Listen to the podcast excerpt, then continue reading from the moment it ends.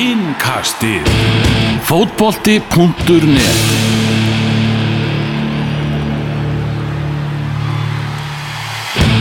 Komið sálblæst og verið velkomin í Evrópu innkastið. Við fjöllum að sjálfsögðum stórleikin á Old Trafford hérna á eftir. En við ætlum eins og vera að byrja í Sheffield. Ég heiti Elvar Geir Magnússon talar frá Reykjavík og frá Vestmannu talar Daniel Geir Moritz. Er ekki kennsla hafinn aftur hérna í eigum og svona? Hvað mennur að hafa henn aftur? Var ekki sumafrí, var ekki langt sumafrí Við erum nú búin að hittast eftir það. Nú ok, já, langt sen ég hætti skóla þannig að ég veit ekki neitt sko. Nei, nei, nei, nei. Ég er hins vegar að fara í vetrafrí Já, það eru að sjálfsögðar frí á, á næsta leiti og ykkur kennur Já, já, já, það er hérna Það er sem sagt þryggja daga vinnuvika og svo kemur gott vetrafrí Á, svona átt að vera sko. Já, Það er hérna að fjögur að daga vinnuvika hjá mér mm. og svo er ég farin til Færi Já, já, já, já Er að loka umferðin þá eða? að loka umferðina á lögadaginn og svo hérna uh, lokahóf hjá HB um kvöldi þar sem að Já, Binni Hlu og Heimi Guðjóns verða, verða kvattir sko. já, já, já, já. Með virktum væntarlega Með virktum ég býst ekki við neinu öðru Daniel Nei. ég býst ekki við neinu öðru Heru, við þurfum að tala um hennar leik því miður fyrir þig. Já, það eru strákarnir í, í Sheffield sem að unnu hérna 1-0 sigur á heimavöldu sínum, bramalegin á móti e, móti Arsenal. E, 1-0 sigur og við getum bara sagt verðskuldaður sigur, þeir voru flottir Sheffield menni í þessum leik. Já, ég er sammála því og, og það var það er kannski tvær svona hlýðasugur í þessu leik. Það er að hérna, Niklas Pepe átt að skora fyrsta mark þessa leiks. Já, hann er eitthvað alveg, ekki alveg með miðið rétt stilt Nei, nei, ég mér langar að, mér langar að svona byrja dæman í janúar, fara svona að sjá þá hvernig hann er að koma út og svona. Hann, er ennþá bara á aðlöðuna tíma hjá mér, ég er ekkert að pyrra mig á honum eða svo lesi þannig að leikt að þetta er ekki að ganga hraðar en, en já, það er hérna óætt að segja að hann sé ekki að spila vel og þetta var algjört dauðafæri sem hann fær þarna og ég skildi ekki hvernig óskubun hann reyndi að skjóta með vinstri þegar boltin kemur af vinstri kantinum. Já, það sem að hefði verið talsvist auðveldara fyrir hann þótt örfættu sé að skora með hægri fæti en Sheffield, hinsagan er að Sheffield United, þetta mínum mati átt að fá vítaspinn, já, það sem að var augljóslega keirt inn í síðu uh, sóknamanns þeirra og, og Arsenal var heppið að fá ekki á sig víti þar.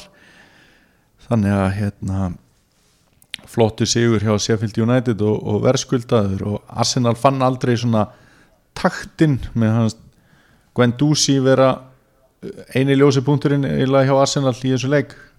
En og aftur er hann að spila vel mhm. og kom lítil hjálp frá uh, þínu manni Granit Xhaka sosum og hann var tekin út af það sem að þátt að fórna miðjumanni og það fór ekkert mikið af miðjunni við það.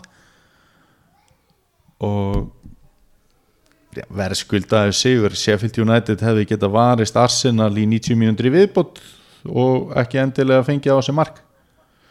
Og maður spyr sig í svona leik hvar er Mesut Özil Hvar er Mesut Özil? Hann er bara gjössanlega út í kuldanum. Væri Arsenal með fleiri stig ef að Mesut Özil væri bara í náðinni og var að spila með þessu lið? Ég veit ekki hvort þeir væri endilega með fleiri stig út að stigasöfnunin hefur ekkert verið alveg uh, afleitt neitt sko, hún hefur verið, verið, bara svona allt í lægi en þeir væri búin að spila betur held ég, ég held að það sé alveg pottið Arsenal er ekki búin að spila vel í einum einasta leik, það eru nýju leiki búnir Ekki einn leikur góður hjá Arsenal. Nei, ekki einhvern veginn svona sem að maður hérna, lappar frá sjónvarpinu bara svona að þetta var flottur leikur hjá Arsenal Nei. Þú veist, maður hefur getur alveg sagt bara svona, á, fín úrslit vinna í, í Newcastle sem dæmi og, og eitthvað svona það sem að liði eiga til að falla á því prófi en, en hérna spilamennskan hefur ekki verið neitt sérstaklega góð. Uh, samt gaman, Villok að spila og, og Saka að spila og, og Gabriel Martinelli núna að fá alltaf meira og meiri sjensa og veist, er, þetta er ekkit allt dauðin á skrifbeltunum en byrjunarliði hjá Arsenal í dag það vantar til dæmis Bellerín og það vantar Holding og það vantar Tierney, þarna ertu með þrjá af fjórum öftustu til dæmis sem að Golasínak og, og Chambers koma náttúrulega ekki með sömu fram á við og eru ekki af góðir aftur heldur. Og svo vantaði náttúrulega Alexander Lax sett inn í byrjunarliðið þar sem hann er að finna sig eftir meðsli en Arsenal ásand að vera á þeim stalli að þeir vinna nýlega Sheffield United. Þannig að leikurinn í kvöld og úslit hans vombriði algjör vonbrið og með það sem að sér á samfélagsmiðlum þá eru er fólk í Arsenal samfélaginu það verðist bara að vera að gefast upp á Una Emery, Já, þínu manni? Nei, hann hefur aldrei verið minn maður ekki komið með þetta en, en hérna. Þú verður að standa með þínu manni stjórun hjá þínu liði skilur hann er vissulega stjórin hjá mínu liði og hann var fenginn í það verkefni væntalega því að menn treystu honum best í það. Hmm. og ég get ímyndað mér að Arsenal hafi nú haft úr einhverju að velja þegar þeir völdu hann. En ég sé voða lítið plan og maður sér ekkert svona Arsenal einkenni, maður veit ekkert endilega hvaða leikkerfi verður lagt upp með fyrir hvert leik eða byrjunarlið eða neitt það reyndar eins og uh, er auðvitað að benda á að þá hafa meðsl sett ákveðið strikki reikningina en mann er alveg sama Mm. hvað þyrftu margir að meiðast til dæmis í leifupúliðinu svo þeir myndu hverfa frá sínu leikkerfi. Mm -hmm. akkurát þannig að já, maður veit ekki alveg svona á hvað vekkferð liðið er en, en já, þetta var fornilegt heldur þú að hann fái annan samning? Fyrir þá sem ekki vita þá fekk hann tveggjóra samning þegar hann samti við Arsenal. Hann er samningslaus eftir þetta tímabil þannig að það er mikið verið að ræða hvað tekur við þeir eru ekkert að fara að drífa sig að, að kalla hann í fundarherblikki held ég. Nei, ég held ekki heldur og, og margir á því að tímapunkturinn á því þegar Solskjær skrifa til dæmis undir samning við United Já. að sá tímapunktur hafi einhverju leiti verið galinn og ég tek undir það. Ég tek ekki, ég ég ekki að segja að Solskjær hef ekki átt að fá nýjan samning en það lág ekkit á að semja við hann. Mm og ég vona Arsenal hérna stýði bara valiða til jarðar með að ákveða þetta Eh, Emery er ekki þannig biti að þeir þurfi að semja við hann núna í oktober eða november til þess að halda honum -hmm. og Arsenal er heldur ekki þannig klúppur en við vitum náttúrulega báðir hvað, hvað hérna, mætti gera svo að ég er þið ánæðastur sko. Já, þá kemur Mourinho. Há kæmi Jose Mourinho til já, Arsenal. Já, já Ó. þá er það með Real Madrid núna eftir að þeir töpuðu þarna fyrir Mallorca. Já, Það er að tapa fyrir einhverjum sólaströndum og eitthvað. Já. En, en einn þarna stjóri sem þarf nú ekki að hafa miklar áhugjur á sínu starfi Það er maðurinn í hinum megin. Það er, það er Wilderinn hjá Sheffield United sem Já. er náttúrulega Já, Chris Valder búin að gera bara frábæra hluti. Þeir eru eftir nýju umferðir í efri hluta deildarinnar sem nýliðar og svo var, mér er svolítið gaman að horfa hann að leika í kvöld. Þetta var svona fílingur eins og þetta væri sko svona ekta FA Cup slagur eitthvað. Þetta væri eitthvað bara neðri deildalið nánast að vinna Arsenal, það var svo mikil stemming á vellinum og náttúrulega þetta Sheffield United lið að mestuleiti bara brest út í gegn. Mm og svona breska stemmingin leyndi sér ekki. Og það er sko var harka í þeim, það var ógeðslega erfitt að mæta þeim og, og sérst bara á tölfræðinni að í fyrstu nýju umförðunum þá sé fyrir nættið búin að halda marki sínu hreinu í fjórum leikjum, það er bara Manchester City sem að er með jafngóðan árangur í þeim efnum. Já, þannig að bara varnarlið, bara vel þjálfalið vel skipulallið og líka með sín einkenni eins og til dæmis að miðverðirnir sé að taka þátt í sóknarleiknum og fara upp kantana og svona sem að og ég, ég er svolítið hrifin af Chris Valder sem er einu stjórin í Premier League sem að tekur strætó eins og við höfum líka komið, komið orðið að. Hann tekur hérna strætó á hverfisbarinn. Já, og fer, fer ekkert leint með það. Hann er svona já, það er ekki, ekki mikil svona stjörnuglans yfir honum en hann vinnur sína vinnu og, og vann Arsenal í þetta, er bara passion gæi og hann var óheppinn að tapa á móti Liverpool líka. Það sem að sprellimark reði úslitum og hjá annars góðu markmanni hjá Sheffield. En staðan er bara þannig að Sheffield United er með bestu vördina í ennsku úrastildin eftir nýju leiki. Ekki bara haldið oftast reynir, þeir eru búin að fá þessi fæst mörg Já, þú veist, það verður ekki komið einhver leikur það sem er yfir að og eitthvað nýtt raskat sko.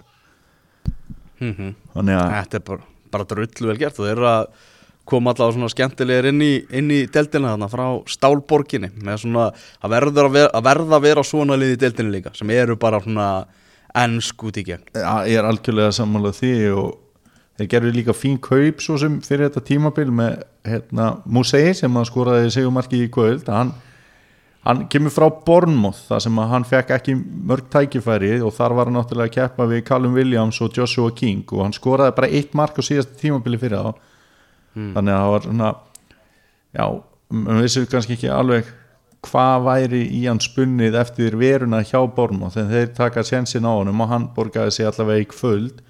Og svo og hljóp beint að, Valder til að fara. Já, nákvæmlega og kann honum greinlega mikla þakki fyrir. Og, og svo er hann náttúrulega minn maður Mac Burney, hann er búin að koma sér í eitthvað klandur en, en stjórin treystónum, Valderinn treystónum fyrir að vera hluti af liðinu í leiknum uh, sagði að þrátt fyrir að hann væri með þetta væri í þessu klandri að þá væri hann rétt gýraður til þess að takast á við þetta verkefni og treystónum til þess. Og hann var, bara, hann var bara mjög sterkur þegar hann kom inn á og hjælt boltanum vel og hann var líka skinsamur hann hefði þarna getað tekið eitthvað svona heimskulegt skot þegar lítið er eftir til þess að reyna að koma þessi 2-0 neini, hann bara röldir út á hotfóna eða svo gott sem og bara er óþólandi fyrir Arsenal að gera það og gerði það vel. Já, betur hann var gripin ölvaður undir stýri eða ekki? Jú, Það ætla að tala um það eftir að, eftir að dæmi því máli. Já, Já, flottur sigur hjá, hjá Sheffield United. Já fyrir nú að tala um eitthvað annað. Förum að tala um eitthvað annað, förum á Old Trafford í gerð þar sem að Manchester United og Liverpool áttust við, náttúrulega alveg fjöldi fólk sem að horfi á þennan leik og flestir byggust til því að Liverpool myndi vinna leikin en Liverpool var langt, langt frá sínu besta, það var ekki einhvern veginn mikið varið í spilamennsku Liverpool í þessum leik? Nei, ég verði eiginlega að segja samt sko, það er alltaf smá vombrið þegar svona stórleikir enda með jafntefli að því að þá hallar ekkit áneitt og banterflóðið er minna og allt þetta en mér fannst þessi leikur sem standi undir nafni mér fannst, Já. það, mér fannst alveg fullt í þessum leik og Já, já, algjörlega, þetta var ekkert besti fótbollaleikur sem maður séð og alveg langt frá því Já. það alveg, var fullt af aðtökum í þessu sko. Já, og þetta var heldur ekki leiðilegu leikur fannst mér, ja, mér finnst þetta bara fýll leikur og og hann er mikið búið að tala um að United hefur bara leiðið í skotgröfunum ég blæs á það það sem að United mætti til dæmis mjög aggressíft til leiks pressaði bara United, nei pressaði bara hérna Liverpooliði bara fyrstu 20 mínútunar eða eitthvað og voru bara betri til að byrja með. Mm og áhugaverð uppstilling allt í hennu er þryggja manna vörn hjá United og það sem að kannski margir átt að sig ekki á að Harry Maguire spilar í hjartanu og þryggja manna vörn sem að hann hefur aldrei gert áður til dæmis í enska landsliðinu þegar hann er að spila í þryggja manna vörn þar þá er hann alltaf út í vinstra megin og dregur sér svona út til vinstri því að hann er náttúrulega með glögt auga og öðvelt með að finna sendingar og, og verið virkur í spilinu hjá enska landsliðinu. Og hann var miklu meira akkeri í, í leiknum í gær og, og fann, mér fannst hann leysa það bara svona allt í lægi mér fannst hann ekki frábær í leiknum í gær en, en alls ekki slakur. Mhm. en hann náttúrulega þeir leikmenn sem að eða sá leikmaður sem kom mér mest á óvart í leiknum var Markus Rashford, hann var bara maður leiksins. Þetta var besti leikurinn hans í langan tíma og hann var virkilega góður í þessu leik. Mm -hmm. Góð Fred er ekki óvart líka? Fred kom mér óvart sko, og ég, ég og hérna, Danny Rú vorum aðeins að- röggreða hvort væri betri Gini Wijnaldum eða Paul Pogba. Já, og hann myndi alltaf taka Wijnaldum í sitt liði frekar, hann er náttúrulega úr samfélaginu og, og hérna mikill, mikill Wijnaldum maður og meðan ég er svolítið svona Pogba maður þannig en, en hérna maður skilur náttúrulega að einhver velji Wijnaldum og hortir í þeirra á að búa til liðsheild það getur hann verið svona auðveldari heldur en endilega Pogba. Mm ekki alveg sama vesen á honum. Ekki sama vesin á honum en Wijnaldum er allavega betri en Pogba í því að láta Fred líta vel út. Þar sem að Pogba hefur verið vandraðið með það þegar þeir spila saman en Wijnaldum let Fred bara að líta hann sig vel út í leiknum í ger og í raun og veru bara miðjan hjá Leopold því að þetta var náttúrulega öllu gamni sleftu og, og, og, og þessu fjasi hérna, að þessu fjasi loknu. Er þetta ekki besti leikurinn á Fred í United treyni Jú, ég held að það sé alveg klárt mál. Það er ekki úr mörgum leikjum að velja hjá honum þannig að ég held að það sé alveg að, hægt að setja staðfest svega með það. Maður sem að þú heldur nú mikið upp á í Liverpool-liðinu, Jordan Henderson hann fekk mikla gaggrinni fyrir þennan leik og bara verðskulda að Jordan Henderson var ekki góður á Old Trafford í ger Nei, hann svona þessi 7,5 Henderson sem spilar alla leiki mm hann datt niður í svona 5,5 Já, það var óvinnulegt að sjá. Hann, er, Já. hann hefur verið svona stöðuleikin holdi klættur að mínum mati. Mhm. og svona frekar vannmetin hvað það varðar. Og oft æði góður í því að gera leikmenn í kringu sig betri en hann gerði það ekki í ger mm Liverpool-liði langt frá sínu besta en öll orkan hjá Jörgen Klopp fór í að vera brjálaðir út í dómarana og notkun þeirra á var myndbandstækninni sem að já, var, var svo sannarlega áberandi í leikjum helgarinnar í ennsku úrastildinu við komum oftar að var í þessum þætti. Já, þá held ég að verði nú að, að segjast að uh, Mark Liverpool sem dæmt var af var réttilega dæmt af Hárjætt það sem að mann ég handlék knöttin og mm ég held að hann hafi líka hann fekk ábygglega ekki gult spjald sem að ég held líka hafi verið rétt þú veist, hann fær hann bara svona í höndin hann, hann leikur sér ekki að þessu. En og hagnast á, á, á hendinni? Hagnast á hendinni og, og, og mark dæmt ógilt og svo má alveg færa rauk fyrir því að í aðdraðanda mark United hafi verið brot á Origi hafa, hafa brot Já. en mér fannst, ég er sammála og þar að leiðandi á hérna markið ekki að standa og með á hvernig á í raun og vera að nota var. En mér finnst að ég ekki að nota var í þessa hluti. Í þessa hluti. Þú veist, eitthvað svona klafs út á miðjum velli. Ég fattar hvað ég á við. Þú veist, minnst að, já, minnst að dómarinn eigi bara að dæma þetta Já, náttúrulega var, var notað þarna í þessu tilfelli en þegar hvað töldu já, þetta væri ekki augljós mistök dómara Já. það hlýtur að vera bara ákvörunin sko. Já, og miða við sko, sko við erum sammála um að þetta hafi verið brot en eru ekki líka sammála um að þetta var leikarskapri og ríki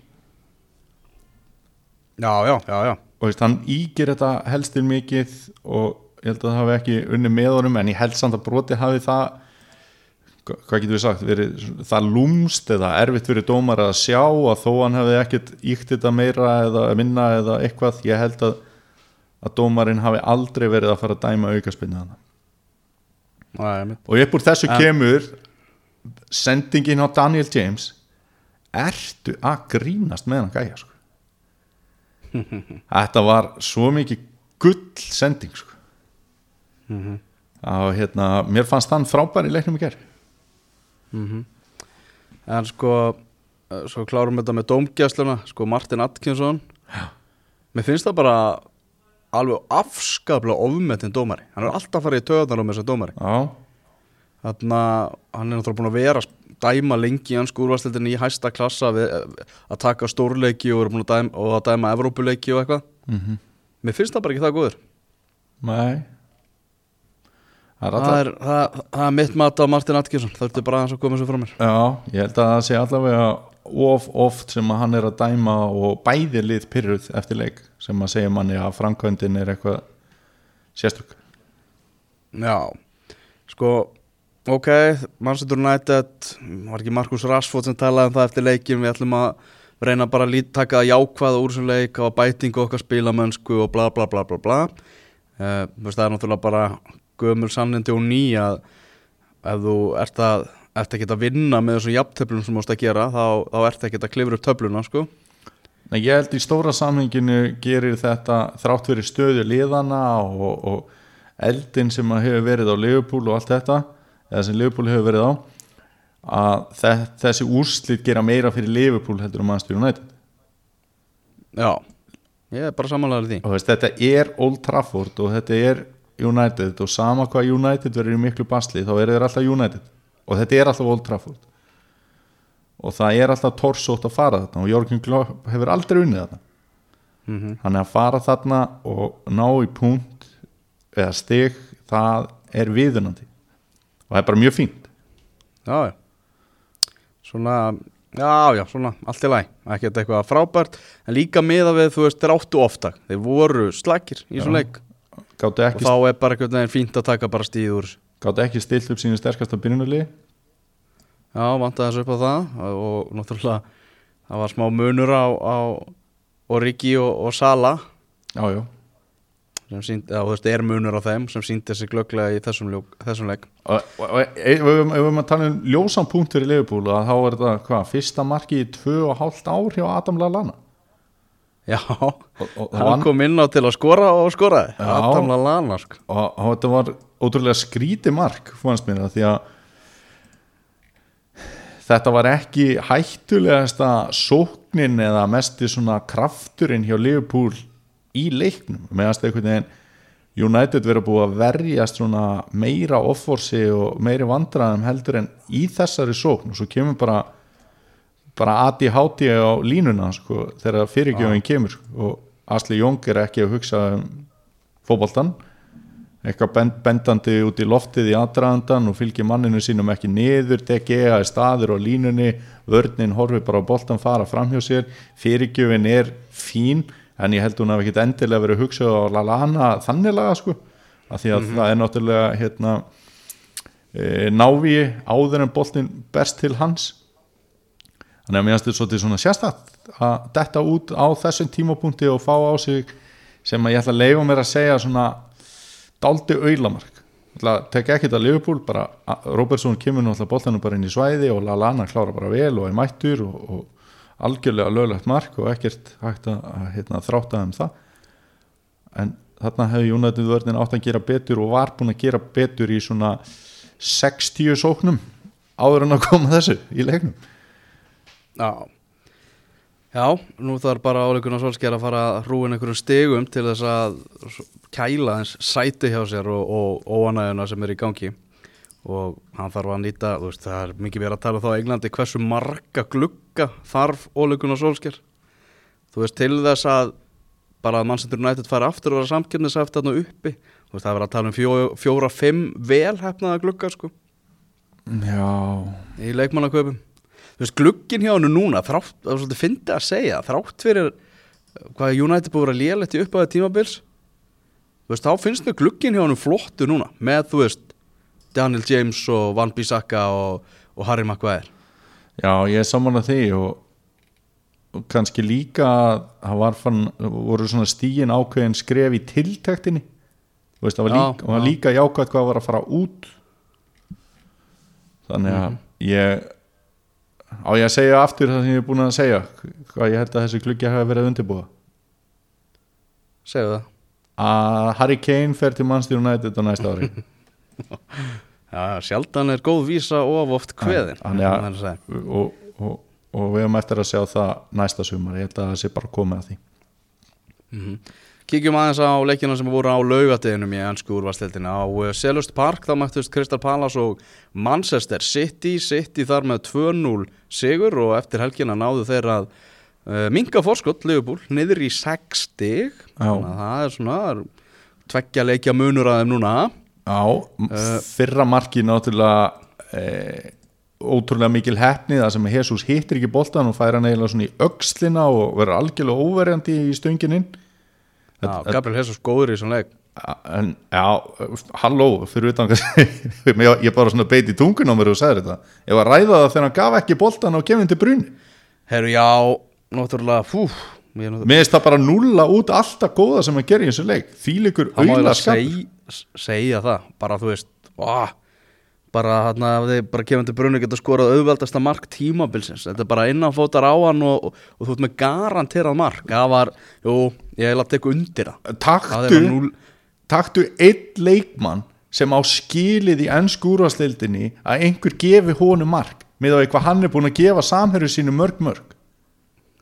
Það er ég- það er Kevin til brunir Home Alone, það er þannig. Og veist, það er bara ekki spurning og, og hérna, mér hans þann svona nulla út af því að sko það er svona það kemur ég- mér finnst eiginlega svona síðustu tveimur, þreimur tímabilum fara af stað svona umræðan hvort að það sé farið að hægjast á Agu er og svo, svo allt í einu bara skorar hann eins og þetta er svona tómatsósu dæmi eitthvað sko, eða og hérna, hann stendur alltaf fyrir sínu og ég er ekki, og ég myndi aldrei segja að sé farið að hægjast á honum, hann skilar alltaf sínu en Jesus er einhvern veginn svona já, hann gerir sér svona reglulega líklega hann að banka eitthvað á dyrnar með að taka þetta sæti.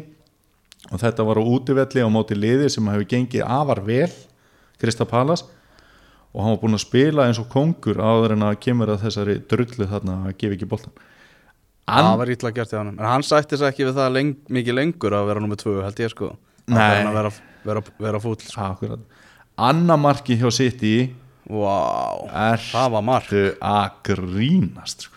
Það var mark sko þetta var svo ótrúlega fallegt og hérna bara maður stóð bara upp í sófanum og klappaði fyrir þessu sko. Sko fyrst var ég alltaf bara svona Var ég svona, vá, þessi vippa hjá Ryan Störling sko Aha. Svo var ég bara orðin ástfókin af, af því hvernig David Silva kláraði þetta sko. Það var bara allt við þetta var, var ógeðslega flott sko. Ég- mér finnst líka sko Silva er náttúrulega það mikil svona fótbolta heili að ég held að hann hefði verið svona full að fá ekki svona vippusendingu inn fyrir. Þú veist, skilur við? Hvað við Já, já. hann var svo ofbóðslega undirbúinn og Rahim Störling gerir náttúrulega hann hefði ekki geta komið með betur hefnaða sendingu þannig að þetta var æðislegt mark bara, og, og hann má bara óska sitt í mönnum bara til hamingju með að, fá svona mark. Maður þekkir það sem asana maður þegar það kemur svona glæsi mark að hérna, Já, já. það gefur svona ekstra og, og sitt í menn hafa bótið fundið það. Frábæri sem leik Manchester City uh, voru miklu, miklu betra en Crystal Palace. Mhm. en hins vegar þurfti Edison tvíveðis að taka á honum stóra sínum og gerði það frábærlega á magnaða vöslur í þessum leik. Já, sammála því. En bara virkilega vel gert hjá, hjá City en eins og Rodri vinnum en sagði í viðtali hérna í, við Guardian í, síðustu viku þú veist að þú verði að sína eitthvað sirkustakta og rúlla yfir lið hérna veist þá skiptir það samt einhver máli að þú ert séðan að drull á inn á milli mm á móti liðum eins og Norrets og Wolf sko. það er mitt og, Uh, og náttúrulega mjög áhugaverð líka varnaruppstillingin hjá City það sem við byrjuði ekki með neitt vartamann inn á. Eða sett líðsuppstillingin ásækið það byrjuði ekki með neitt vartamann inn á en, en þeir fundi ekki fyrir því í þessu leik. Nei, nákvæmlega, þeir gáttu bara verið þarna miðverðinir gáttu bara verið miðjumenn. Það þurfti ekki miðverðið í þessum leik. Mm -hmm. uh, Lester vinnur 2-1 sigur á móti Burnley. Þar sem að Jamie Vardy og Júri Tílimann skora. Júri Tílimann með geggja mark. Chris Wood með skallamark fyrir Burnley og, og Chris Wood hjælt séðan að hann væri að jafna metin í 2-2 hann í lokin en, en það var þann brot, brotið á Johnny Evans. Mhm. og Lester uh, er bara eitt af mörgum varatvikum um uh, helgina. Og Lester er þarna með 2-1 sigur. Ég held að ég held að Lester endi í topp fjórum. Já, ég held það líka. Ég, ég held að ná Evrópusæti, ég, er ég ætla ekki að fara óa með þér að þessu sinni. Ég ætla að fara með þá í topp fjór Já. Ég held að Sko og, þar, og sko það er ekki bara vegna þess að mér finnst þeir svo góðir. Mm, líka út að ég bara ég var að horfa á Arsenal-leikin í kvöld sko. Já, og Tottenham leikin og ég var að horfa á alla þessa leiki. En kannski besti leikmaðurinn í þessu leik var Harvey Barnes, laði upp bæði mörg lester og, og virkilega flottur. Þetta er svona strákur sem að byrjar ekkit endilega alveg alla leiki en, en hefur hérna, verið að vekja alltaf meira og meiri aðtekli og bæði mörki voru virkilega góð það var hérna fínt skallamark hjá Jamie Vardy og svo skoraði Tílemanns alltaf ég var bara að hlæja sko. eitthvað lúðráðanum hann í slána á inn sko. já, frábært mark virkilega gott og þetta er bara svo Eh, skemmtilegt líð sko.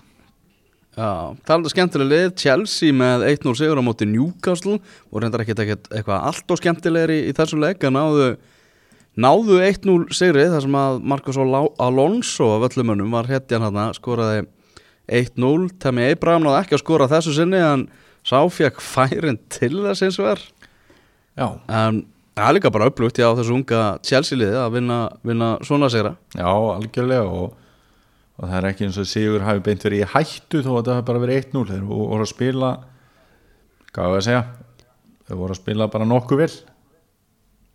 Já, voru að gera það og eru í fjóruða sætinu.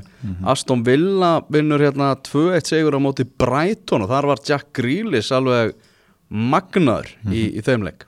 Á bæði hérna stóðsendingu og mark. Og þrjóðsur flottur. Og það er gaman að fá hann upp í, í stuði búin að skrúa hausinn á sér almenn lág og, og farin að gera flotta hluti í premjölík Já, ég er algjörlega sammála því. Þetta er, þetta er hæfileika búnt sem að hefur alla björði til þess að vera svona á topp 10 jafnvel í þessari deild yfir svona leikmenn sem hann hefur, hefur gaman að fylgjast með. Mm og gerði það í þessu leik og Brighton, er ekki rétt með að Brighton hafi komist yfir, þannig að þetta var svona siglu sigur líka hjá Aston Villa í, í smá mótlæti og, og Já, hjálpa, hjálpaði vilja svolítið að Aron Mói vinnur okkar lit reyka svo út af hann í fyrirháleik Já, bara bara- Brighton var 1-0 yfir sko. akkurat og hann átti það bara algjörlega skilið að vera reikin út af með að við sína haugðun en mér finnst nýleðar ef við tökum aðeins hérna ef ég má aðeins grípa í stjórnatumana og, og við myndum til dæmis næst tala um Bormoth og Norvits Já, ég, sem allir eru búin að býða eftir að við að tölum því við höfum eftir að gera það aðeins stutt held ég. Að þá bara svona grípa það Sheffield United, Norvits og Aston Villa eru nýleðarnir og mér finnst Norvits eiga langt í land með að vera ja, gott og hinn tvö liðin. Já, Andið er Norrið sí fatsæti. Mm -hmm. Það er þannig, gerðum markar og stjæpteflega á móti Bornóð ekki meira um þann leik. Nei, uh, Vindum okkur næst í Tottenham Watford þar sem Tottenham tók á móti neðsta liði deildarinnar Watford mönnum og Tottenham er ekkert mikið fyrir það að byrja fótboltaleikina. Uh, lendu undir hann eftir 6 mínútna leik. En það var sann Dele Alli sem náði á endanum að, að ná fram jöfnun á marki Dele Alli sem að ég, ég bara vona það að hann fari nú að fara að finna hæðir sínar aftur búin að, fara aftur að, að sína hvað í honum býr því að þarna vantar ekki hæfileikana. Þetta var áhugavert mark sem hann skoraði. Það var skoðað í var myndbastekninni og Chris Kavanagh bendi á punktin eru þetta mark stendur eftir að hafa skoða nema Gaurin sem sér um hann að risaskjáðuna hann ítt á ranga taka. Að þar kom allt einu bara decision no goal og það bjóð til alveg þvílíka ruggling hann á vellinum til að allir bara ha, hvað er að gerast og, og, og Kavanagh bara, ha, ég dæmdi mark og markið allavega stóð og eitt eitt var niðurstaðan frá þeirra svona margir í efustum að, að marki hefði átt að standa með að við svona hvernig hann beitti efri hluta hand, uh, handarinnar til Ali ja, bara eins og þetta horfið við mér og þá hafði takkakallið meira vit á fótbolta heldur en dómar í leiksin sko. Já, það er, það er bara þannig. Það er bara Hann hafi þannig, hort- þetta var kólólulegt mark. Takka kallir sko. Já, hann átti bara að vera með flautina fyrir ekkert en þessi trúður. Og svo var líka með þetta, þetta, þetta er Chris Kavanagh hérna vinnur, vinnur Tómasa Mæger fóru hann að Golden Circle í sumar og eitthvað. Ok, það er eitthvað geggjaði vinnur eiga sko. en það fátt betra en að, lendi í gítapartí með Tómas Mæger það sem að hliður í rángumadur og aðra góða smelli sko. En, Láttu mig þekka en hérna annað í þessu Jan Fertongen braut augljóslega á sóknumanni Votvortin í teik Herru, hvað var, lokaði var augunum þá eða? og veistu það var og, þeir voru bara að reyna og nota benni, þetta er ekkert eitthvað svona Arsenal Tottenham drast sko. en var, Nei, nei, nei, þetta er, þetta er bara ekki bóðulegt nei, þetta er nefnilega ekki boðlegt og Tottenham fekk bara gefin stig í þessu leik.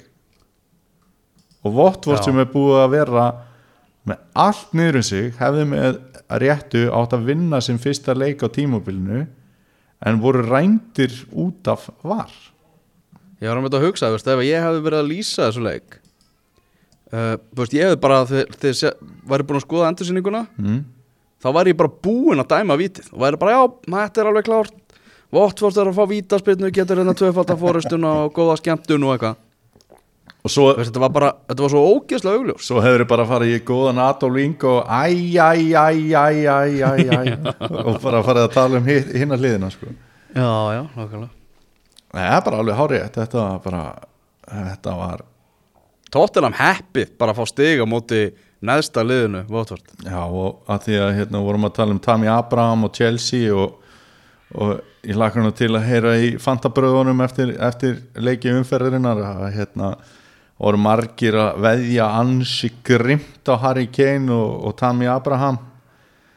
Og þá var verið að hlaða í trippulkaftina þarna átti svoleiðis að raka inn stegum Já, en það gerðist nú reynd ekki. Nei, reyndi ekki. Fantabröð verða annað kvöld sem, sem er þá reynu. Uh, Pochettino. Það eru líka þó nokkuð margir tóttunarstjórnismenn sem eru bara komnir á Pots out vagnin sko. Já, ég reyndar verður nú að segja að mér staða nú kannski full mikið. Nei, já, ok, ok. En já, ég sá líka einhverja gaggrinni þarna í, hvernig það var svona stilla upp í þessum leik og var alltaf komið með komið með Kane þarna, vist eitthvað á miðjuna og eitthvað Það var ekki alveg, alveg að skilja hvað, hvað Pochettino var að hugsa. Nei, nei. En stig var allavega niðurstaðan í, í þessum leik. Uh, Eigum við ekki bara eftir uh, Everton Vestham við erum líka, við erum líka úlfana eftir á móti sáþóntun en það er nú svona var, Jú, þar var náttúrulega var líka. Já, já, Jimenez skor, Raúl- skoraði þrennu. Jimenez skoraði þrennu Já. en bara, var bara eitt dæmt gilt. Akkurat. Þannig að en hérna og, sko, já, fyrsta markið það var alveg klár hendi. Annar markið þá var dæmt einhver rángstaða hérna þar hafaði verið greinilega með alveg sko bara brot úr millimetra mm í gangi sko. Þegar Patrik Kutrón var hann dæmtu fyrir innan. Akkurat en svo náði þeir loksins jöfnun og marki og, og, og jöfnu og vítaspjöldin þar Danny Ings hafði skorað fyrir Southampton. En Everton tók á móti vestam mm og það eru stórar fréttir það byrjunarliði var tilkynnt Gilvi Þór Sigursson bekkjaður af Marco Silva. Marco Silva þurfti nöðsynlega á sigri að halda bara upp á sína stöðu og hann ákvað að nota Gilva á bekknum. Sko, þegar ég sá uppstillinguna að ég var ekki eitthvað gilva stressaður með þetta. Nei, það var það sem að vakti fyrir mér var að þetta hlýti að vera út að hann væri bara ennþá svona nokkuð tæpur eftir landsleikina. Mm það sem að mönnu leittist ekki að sparka gilva þó séu svo niður. Andorra vinnur okkar. Já, þannig að ég hugsaði með mig bara svona ok, hann er kannski bara ekki alveg tilbúin en svo bara á hvernig umræðan hefur verið bara, hún fór að staða leið og byrjunarliðið var tilkynnt að bara staða gilva væri bara orðin mjög alvarleg í Evertón liðinu Þannig að Ég fannst leiðilegt sko þegar ég skoðaði samfélagsmiðla að hvað voru margir eitthvað neginn stuðnismenn Evertón sem virtust fagna því að Gilvi væri bekkjaður Já, akkurat. Mér fannst það leiðilegt uh, Gilvi kom inn á náttúrulega 87. mínútur svo allir sem eru að hlusta vita og skoraði þarna geggja mark í uppbóta tíma Tim Sherwood var hérna hjá mínum mönnum í Katar á BN Sports að að segja að Gilvi er bara alltaf að spila alla fótballtaleiki sem hann getur spilað. Mm og við tökum að sjálfsög undir það en þetta allavega virkaði hjá Marko Silva þetta núna því að hann fekk alveg gilva brjálaðan að begnum og Everton spilaði drullu vel í þessum leik. Já, hann var hérna ég var sko, því að Volkot var valin maðurleiksins mm. og það er hérna, ég sakna ég mun alltaf sakna hans úr aðsina treyni hann er bara svona einn af mínum uppáhalds í gegnum tíðina þó að hans tími hafi kannski bara verið liðin já, Arsenal, en hann er bara svona einn af mínum uppáhalds. Ok. Síðan kemst Alex Iwobi í algjör dauðafæri. Og ég, veistu það ég fekk bara svona flashback ógeð að sjá bara hvernig hann er stundum að reyna að afgreða boltan í neti sko.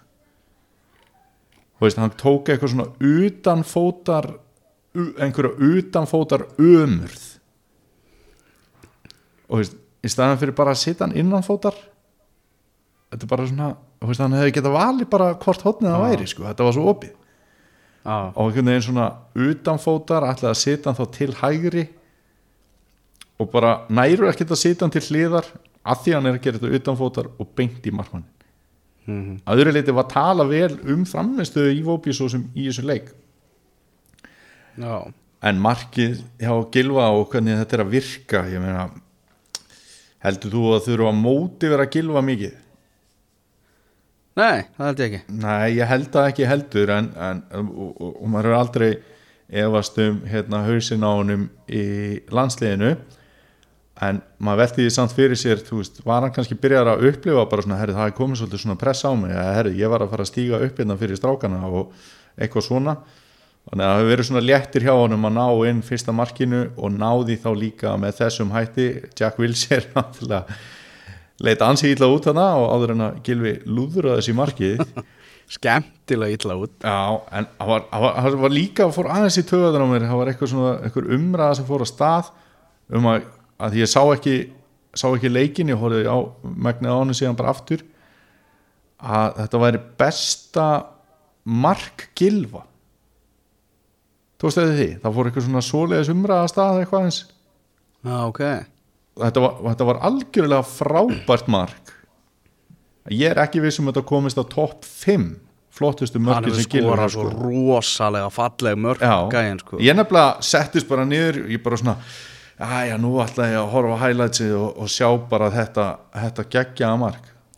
Vissulega geggja mark en ef, ég er ekki að djóka ef það er búin til markasirpa með Gilva Þór Sigur sinni topp 5 mörg þetta er kannski slefarinn á þann lista.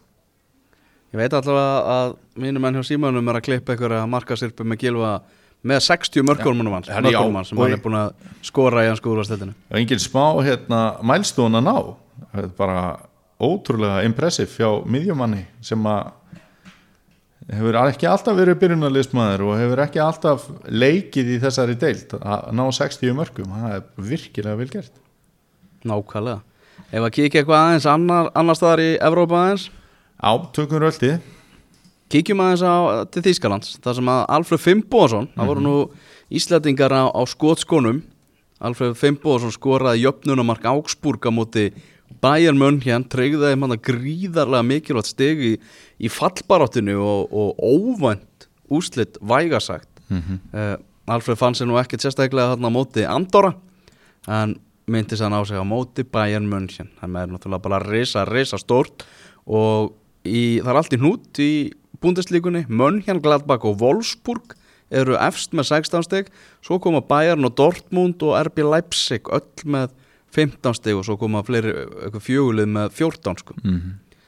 þannig að það er, það er party í búndeslíkunni og leðilegt að, að við fáum ekkert að sjá það það er enginn að sína því sko búndeslíkunni eins og staðan er núna sko. Já, við auglýsum eftir áhuga sögum að by- byrja með þannig business Já, ef þú bara oft ert með þygt veski þá bara fara að sína okkur þýskapoltan mm -hmm.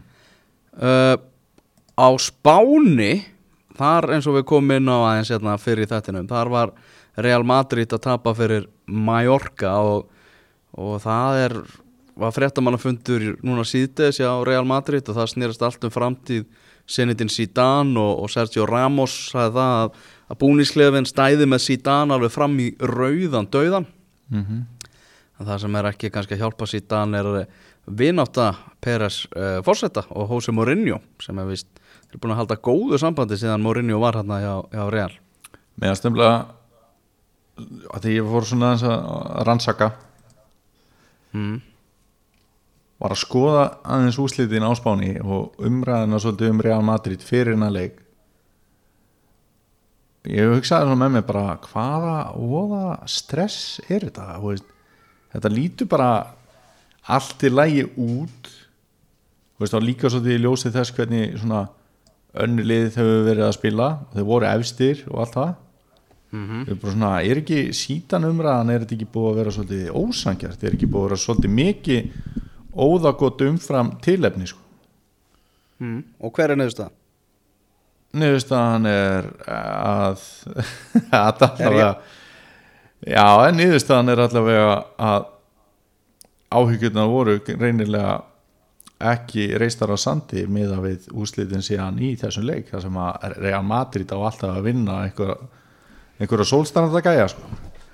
Já, þarna það sem að svona er líka mikið að tröfla með en það er bara hvað Real Madrid er búið að vera ósanfærandi í leikjunum og, og bara skemmtana gildi ekki búið að vera mjög hátt hjá. Já, já, akkurat Það er svolítið sem er einnig að tröfla eins og marg oft hefur sann að menn hafa verið látnið taka pókan sem þarf að vinna titla með Real Madrid ef að skemmtana gildi er ekki nægilega mikið sko. Til dæmis Fabio Capello Til dæmis, mjög gott dæmi. Barcelona komið aftur á toppin unnu hérna sannfærandi sigur á móti Eibar. Mm uh, á Ítalju þar var rosalegu leikur hjá uh, mínum önum í Inter náðu á endanum að vinna hérna Sassuolo fjögur þrjú. Mm en uh, Inter er einu stíu eftir Juventus, ef að Juventus verður ekki Ítaljumestari þá er alveg klárt mál að það verður þá Inter Já, og ástæðan verður eiginlega svo að Juventus verður að leggja svo mikið í meistaradeildina.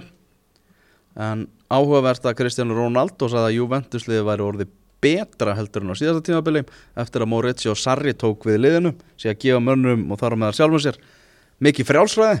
Já, og uh, þannig að, að vonda fréttir fyrir önnur lið á Ítali ef að Juventus orðið betra en það hefur verið sko. Já, já Það sem að, er bara að drekja mér í þungliti þegar að tala um þessa blessuðu deild Það er Asi Milan Já, þar er, þar er eintónt bras búið að vera bara einhvern veginn miðjumás bras lengi, þrý sigurleikir á átta það er ekki sérstæð 12. sæti það er tólta seti já. og þetta er bara þetta er, Já, já, þetta er er leðileg deild segir það sem Mílanmaðurinn Daniel Geir Moritz. Já, uh, og tap í fyrsta leiknum hjá Birki Bjarna í, í Katar en það er endur ekki Evrópa þannig að við meðum ekki tala um það. Jú, jú, við meðum alveg svona Jú, jú við, meðum bara tala um það sem við viljum sko. Já, og hann er líka frá Evrópu. Já, ekki? Þarna eitt náttúrulega mítalju, Sveitnaron Guðjónsson, hann var að skora. Já, og hann, hann var náttúrulega hér á landi á dögunum og ég talaði, talaði við hann. Ok. Og var að spyrja hann svona út í hans stöðu á Ítalju því að hann, er bara búin að vera límdu við treverkið og samt er liðinu búið að ganga illa. Mm. fekk, og hann sagði svona já nú bara eina sem ég get gert er bara að æfa og vona að ég fái tækifærið og ef ég fæ tækifærið þá, þá þarf ég að nýta það og eitthvað. Mm og hann virkaði samt svona einhvern veginn spurði þú veist, ert að nálgast? Já, eða svona já og nei og eitthvað, og virtist ekki alveg svona hann virtist ekki vera mjög bjart síðan á að fá tækifærið, svona kraftur að sagði skilur klísi svar á endanum það var hann ekki sannfarandi í því. En hann kom það. -hmm. og það treyði hérna segumark á móti Pescara. Og það er og ég var mjög ánæður með að sjá það að hann, hann nýtti tækifærið þegar, hann- þegar hann fekk hann. Algjörlega og, og vonandi fáum við bara meira af þessu frá honum Já, það er hérna meistaradeldar vika. Já, Champions League. Hvað erstu spenntastu fyrir í, í, í henni? veistu það, ég er ekki einu sinni bara eh, með alveg puttan á púlsinum hvað er þar að frétta. Ég, Það er alveg, það er alveg Inter Dortmund, Ajax Chelsea Genk Liverpool. Mhm. Tottenham Rauðar Stjarnan. Geng Liverpool hvað Ég meina af öllum þessu leikju þá Genk Liverpool potið svo leikur sem fær mesta áhorfið sko. Já, það er náttúrulega er ekki- má ekki segja Ajax Chelsea sé leikurinn til að fylgjast með? Já, bara fylgjast með þessu öllu, taka bara hann að meistara messuna það sem að bara skipta milli valla. Já, ok. Uh, Og þínu menn eiga Vitoria í 15. stildinni Já, Mínu menn eiga sko Partisan Belgrad. Já, já ég held, held, að, held að það hljóti nú að vera sterkara lið heldur en Vittoria Það er að taka hérna sko Það er að taka doppuletter því að United leikurinn er 5 og, og Arsenal 7 sko. Það er bara 50 dags veistla Það er að rúa sig bara á, hérna eitthvað gott pítsalhaðbord og Herðu, eða bara til okkar manna hvernig læt ég Þetta, Já, nákvæmlega. þetta mæta það bara upp úr háti og fara seint heim sko. Það er bara langur dagur Það er, það er fínt að hafa þannig. Uh, Hvað er í gangi í erum með Föstudagsleik Southampton Leicester. Herðu, hvenar fyrir ekki að koma tími á eitthvað almennilegan föstudagsleik? Southampton Leicester Frábær föstudagsleik. Nei, það er, það er það ekki Manchester City Aston Villa er eh, er hann hátæðisleikurinn Já, uh, svo verður á sunnudeginu þá er Arsenal Palace, Liverpool, Tottenham Norwich, Manchester United. Já, það er alveg frábært þegar hérna, sýningarlaugin og rétturinn er þannig að það sé bara hægt að horfa einn af þessum leikjum hjá okkar mönnum og símanum. Já, ekki, við, að- ekki við þá að sakast. Já, það er hérna Ég held sé að fara með rétt mál að Liverpool Tottenham og Norwich Manchester United verða síndir á sunnudaginn. 16. helgin í röð sem Arsenal er ekki sínt Já, það er ekki bara fín Na, þeir voru enda síndir í kvöld. Það er- tekið þetta tilbaka. Já, heyrðu þannig þannig líkur það, landið. bara, er það ekki bara fínt? Ertu vangirinn Hvað meinar þið? jú, jú, það er bara fínt Fínt að vera laus við það. Heyrðu, nú er klukkur að vera tíu og ég heyr að Möffa er ennþá bara vakandi það er hann já, já, hún er hérna hún er eitthvað svona eins að minna á sig bara. Bara mánudagur í Möffunni. Já, svegt eftir Arsenal-leikin Já, er hún Arsenal líka? á var nú já, ég reyndar, ég reyndar ekki einn af þessum hérna, sem er búin að svona baða badni mitt upp úr fótballtadóti með liðinu sem ég held með sko. ég er nokkur rólegur í því. Já, enn sem komið er. Enn sem komið er allavega en hérna, hafa möffu amali á lögadaginn Já, var ekki stuðið? jú, jú, jú, heljarinn á stuð. Við gerum hérna masa köku handinni. Veistu hvað masi er? Nei. Masi er sem sagt fígura úr söngvaborg sem er, sem er í miklu uppáhaldi í hafa möffu en sá er það, harmleikur er það gu- gula fígúran hann? já, svona appisinu gulur eitthvað neginn Já, já. Og hérna, hann er frá Ástralíu, mikill meistari. Nema ef þú googlar massa og skoðar hann eitthvað þú ert náttúrulega að fara að kíkja núna hvernig hann lítur út. Já, eitthvað þessi ekki með rétta Já. Jú, jú, Ákvæmlega stór. Já, leifa bjó til massa skúfuköku og bara bjarni beðin hvað sko. En massi sem sagt mun ekki snúa aftur þó að Söngvaborg myndi snúa aftur. Er hann hættur? herði, ég held að hann hann var allavega, jú það lítur að hafa verið þarna í geimslum að búningurinn brann. Og veist og allt þetta söngva borgat út. Já, eða það já, þannig að hann hérna er ljótt að hlæja þessu, ég ætla að fyrst afsakna þessu. Ja, þetta er bara hérna, sorglega staðreinda að masi er allur sko. Já, heyrðu, ég held að við séum bara að það sé bara fín lokaorð í Evrópa-umkastinu bara minningarorðum um masa. Uh, Daniel, takk kærlega fyrir samfélginu í kvöld. Sömulegis. Innkastið. Fótbolti.net